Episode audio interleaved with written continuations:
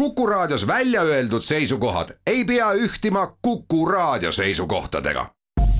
Te kuulate Kuku Raadiot.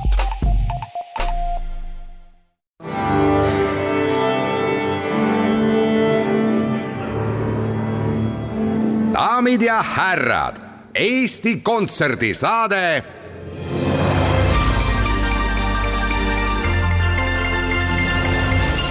aplaus tere kõigile, aplaus on eetris, mina olen Lauri Aav. hoolimata selle sügise erilisusest ja sellest, et maailm on rahvusvahelises mõttes üsnagi lukku keeratud, on just praegu siinsamas toimumas kaheteistkümnes rahvusvaheline festival Klaver.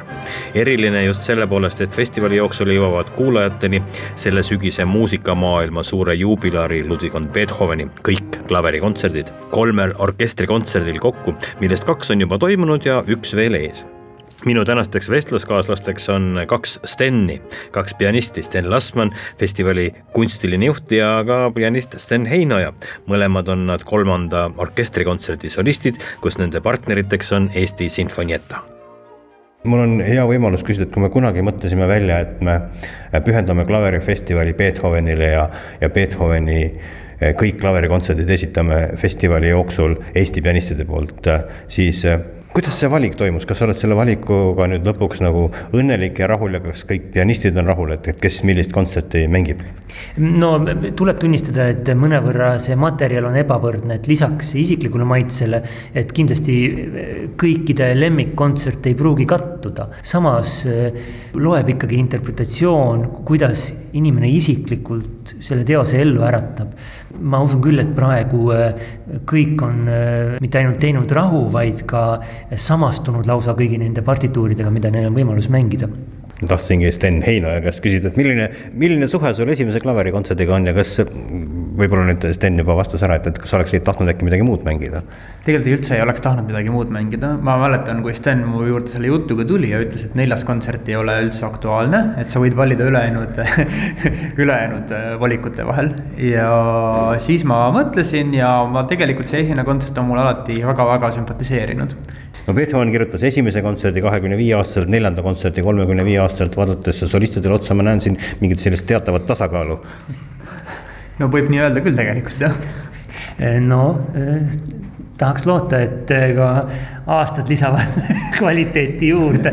et, et noh, on erinevaid jooke olemas, eks ole, mõned kaotavad aastatega, mõned mitte, nii et eks peab ennast kultiveerima me oleme üldse nagu sellises veidras ja kummalises olukorras, meil on kontserdid, klaverifestival toimub, publik on saalis, välispianistid jõuavad kõik äh, enamuses kenasti kohale.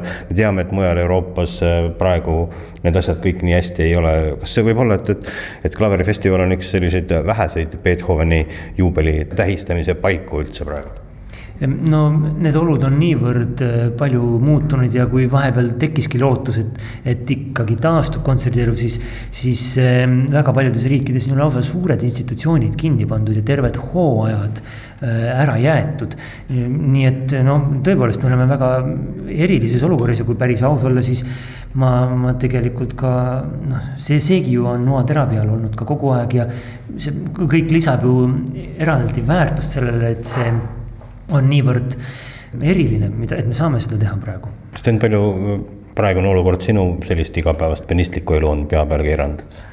no nii palju, et näiteks ma ei ole pool aastat oma koju saanud Londonis, kõik minu asjad on seal ja tegelikult kui ma nüüd nagu kokku hakkan mõtlema selle peale, et kui palju tegelikult nagu tööd on kaotatud, nagu ära läinud lihtsalt minu juurest ja nagu ilmselt mitte ainult minu, vaid ka enamuste muusikute ja, juurest.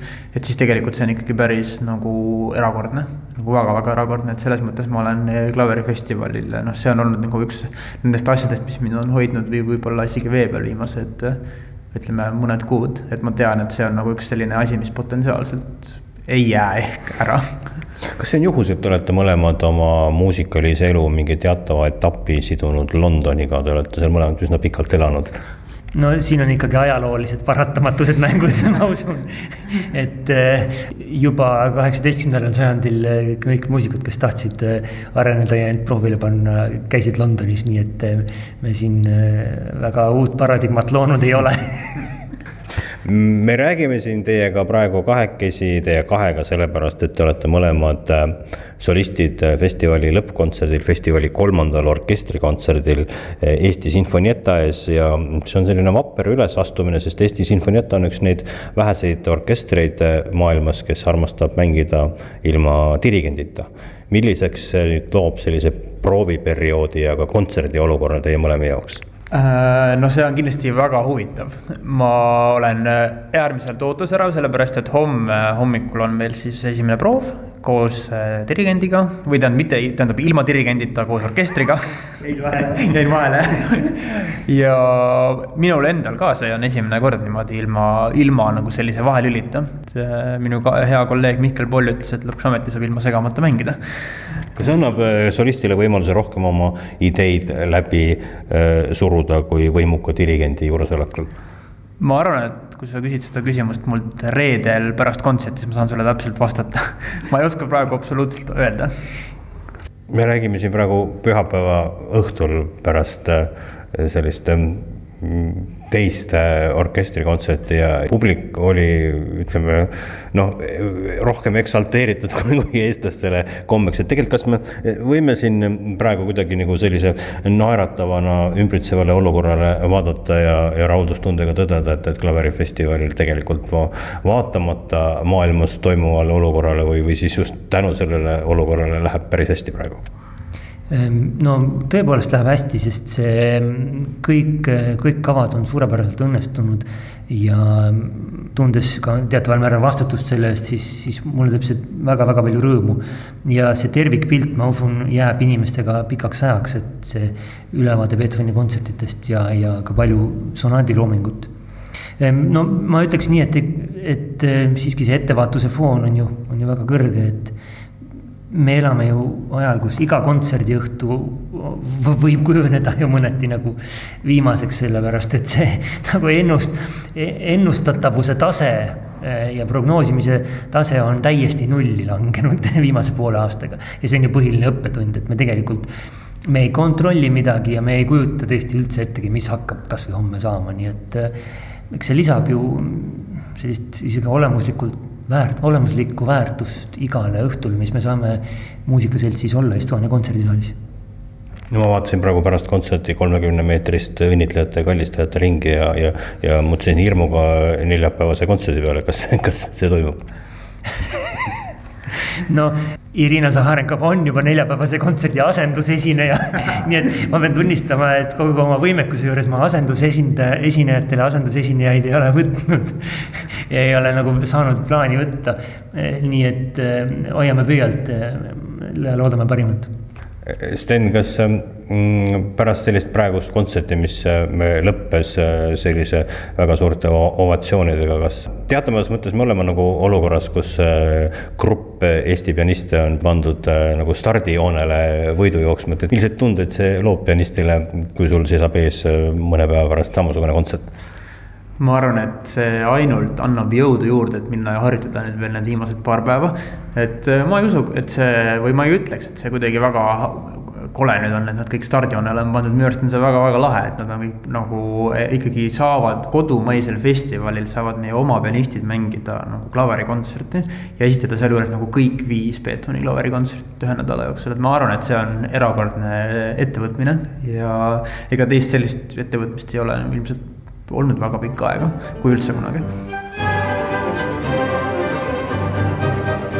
klaverifestivali kontserte on kokku tulemas veel viis. täna õhtul Estonia kontserdisaalis Lõuna-Korea pianist Yolm Son Beethoveni sonaatidega.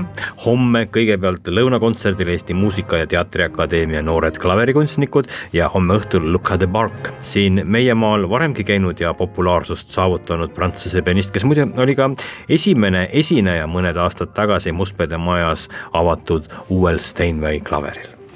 ja neljapäeval jah ma olen siin saadetes varem kinnitanud, et kõik välispianistid on tulemas. Läinud nädala lõpus tuli siiski teade, et Nikolai Demidenko ei saa tervislikel põhjustel tulla. see on nii kurb, aga olgu kohe ära mainitud, et tegemist ei ole maailmas hetkel enim kõneainet tekitanud viirusega. vahest jäävad inimesed lihtsalt ka niisama haigeks ja Demidenkol on tegemist ülemängimisest tingitud käeliigeste põletikuga, selline pianistide omalaadne kutsehaigus siiski, arvestades praegust heitlikku olukorda, olid meil juba varem valmis mõeldud varuvariandid ja siinkohal on hea teatada, et Irina Zaharenkova oli nõus tulema publiku ette oma soolokontserdiga, kus tal on kavas Beethoveni viimased sonaadid, siis kolmekümnes, kolmekümne esimene ja kolmekümne teine ja festivali lõppkontsert reedel. Eesti Sinfonietta, Sten Heinoja, Sten Lasman, Beethoveni esimene ja neljas klaverikontsert. Ja siis selleks korraks on klaver läbi. erandlik festival erandlikul sügisel, aga on hea meel, et peaaegu kõik, mis plaanitud sai toimuma. Ja vahepeal oli küll perioode, kus me selles üldsegi mitte kindlad ei olnud Rein Rannap kõrvuti klaverifestivaliga sõidab mööda Eestimaad ja esitleb oma uut plaati Ever and Forever. klaverifestivalil Tallinnas oli tal kontsert laupäeval, kus mul endalgi õnnestus käia, jäänud on veel kontserdid täna Pärnu kontserdimajas, reedel Jõhvi kontserdimajas ja edasi esimesel novembril Abja kultuurimajas ja seitsmendal Rakvere kultuurikeskuses. Ever and Forever ja Rein Rannap.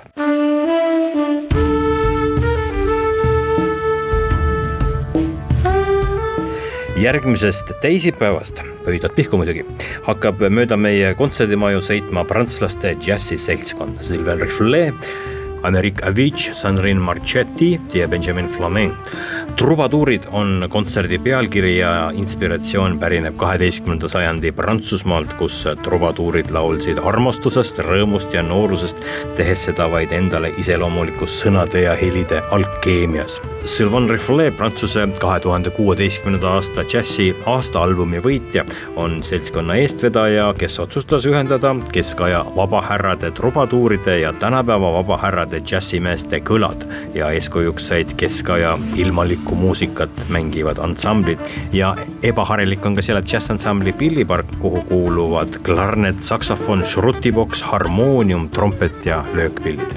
ja see on meie järjekordne koostöökontsert Soome-Prantsuse agentuuriga Vabad hääled ja see koostöö, kui ma õigesti mäletan, ulatub meil juba julgelt rohkem kui kahekümne aasta taha trubaduurid on kahekümne seitsmendal oktoobril Pärnu kontserdimajas, kahekümne kaheksandal Tartus Vanemuise kontserdimajas, kolmekümnendal Tallinna Raekojas ja kolmekümne esimesel oktoobril Jõhvi kontserdimajas. meie kohtume teiega kahe nädala pärast, turvalisi muusikaelamusi.